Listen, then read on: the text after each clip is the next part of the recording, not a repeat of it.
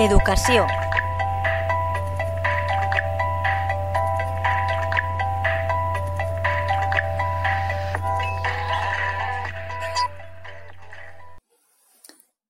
Buenas tardes amigos de la Tegua Radio.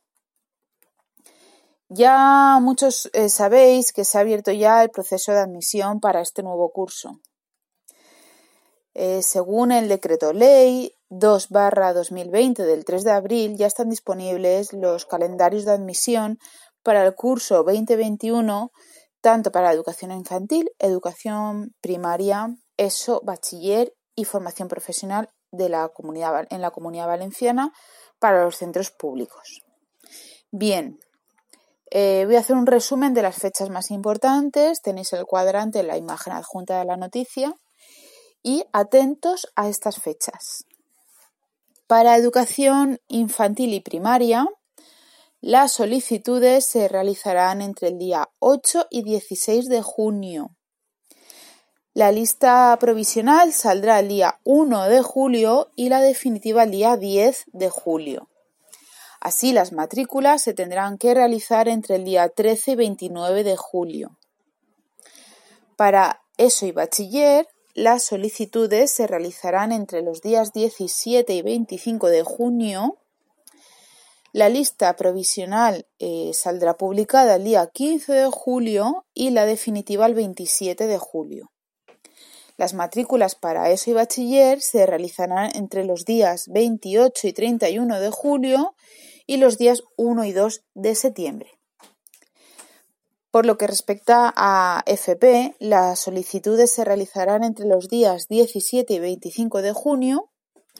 La lista provisional será el día 13 de julio y la lista definitiva aparecerá el 21 de julio.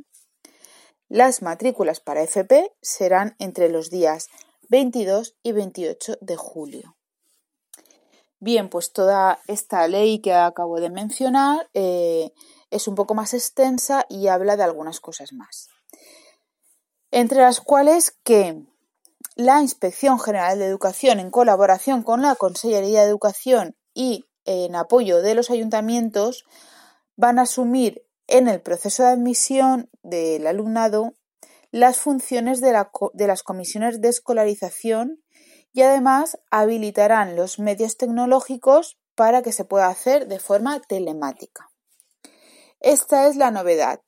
Este año el proceso de admisión, se realizará de forma telemática. Para ello se habilitarán puntos de atención al usuario para aquellas personas que no dispongan de medios para poder realizarlo. Otra de las novedades será que no habrá que presentar documentación acreditativa física. ¿Vale? Se, hará todo online y ya está. También se dice que, al igual que el proceso de admisión es de forma electrónica, los resultados, las listas tanto provisionales como definitivas, se van a publicar a través de la sede electrónica de la Consellería y ya nos advierten que será importante verificar nuestra identidad. Para, esto eh, van a haber diferentes formas. Por certificado digital, siempre emitido por la ACCV, es decir, por la Autoridad de Certificación de la Comunidad Valenciana.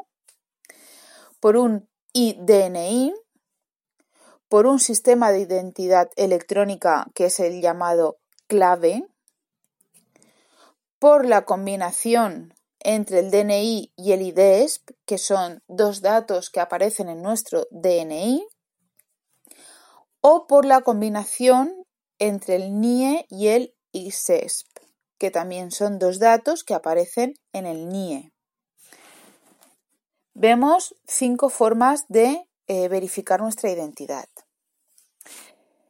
Debo recordar que el Ayuntamiento de Monóvar ha puesto a disposición de quien no disponga de firma electrónica un punto habilitado en el Ayuntamiento eh, para poder solicitarla, ¿vale? Siempre pidiendo cita previa y en horario de 9 a 2. Esta ley, además de todo esto, nos comunica que eh, van a continuar, habrá una continuidad de las ayudas que se dieron en el curso anterior eh, en cuanto a alumnado de 0 a 3 años, el bono infantil. También va a haber una continuidad en los planes de actuación para la mejora de centros concertados. Y eh, los colegios también van a continuar con los mismos programas de educación plurilingüe e intercultural del curso anterior. Bien, tenéis toda esta información mm, mucho más eh, explícita, mm, mucho más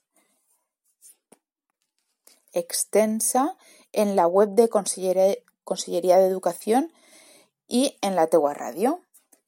Recordar, Sporteu a la buchaca.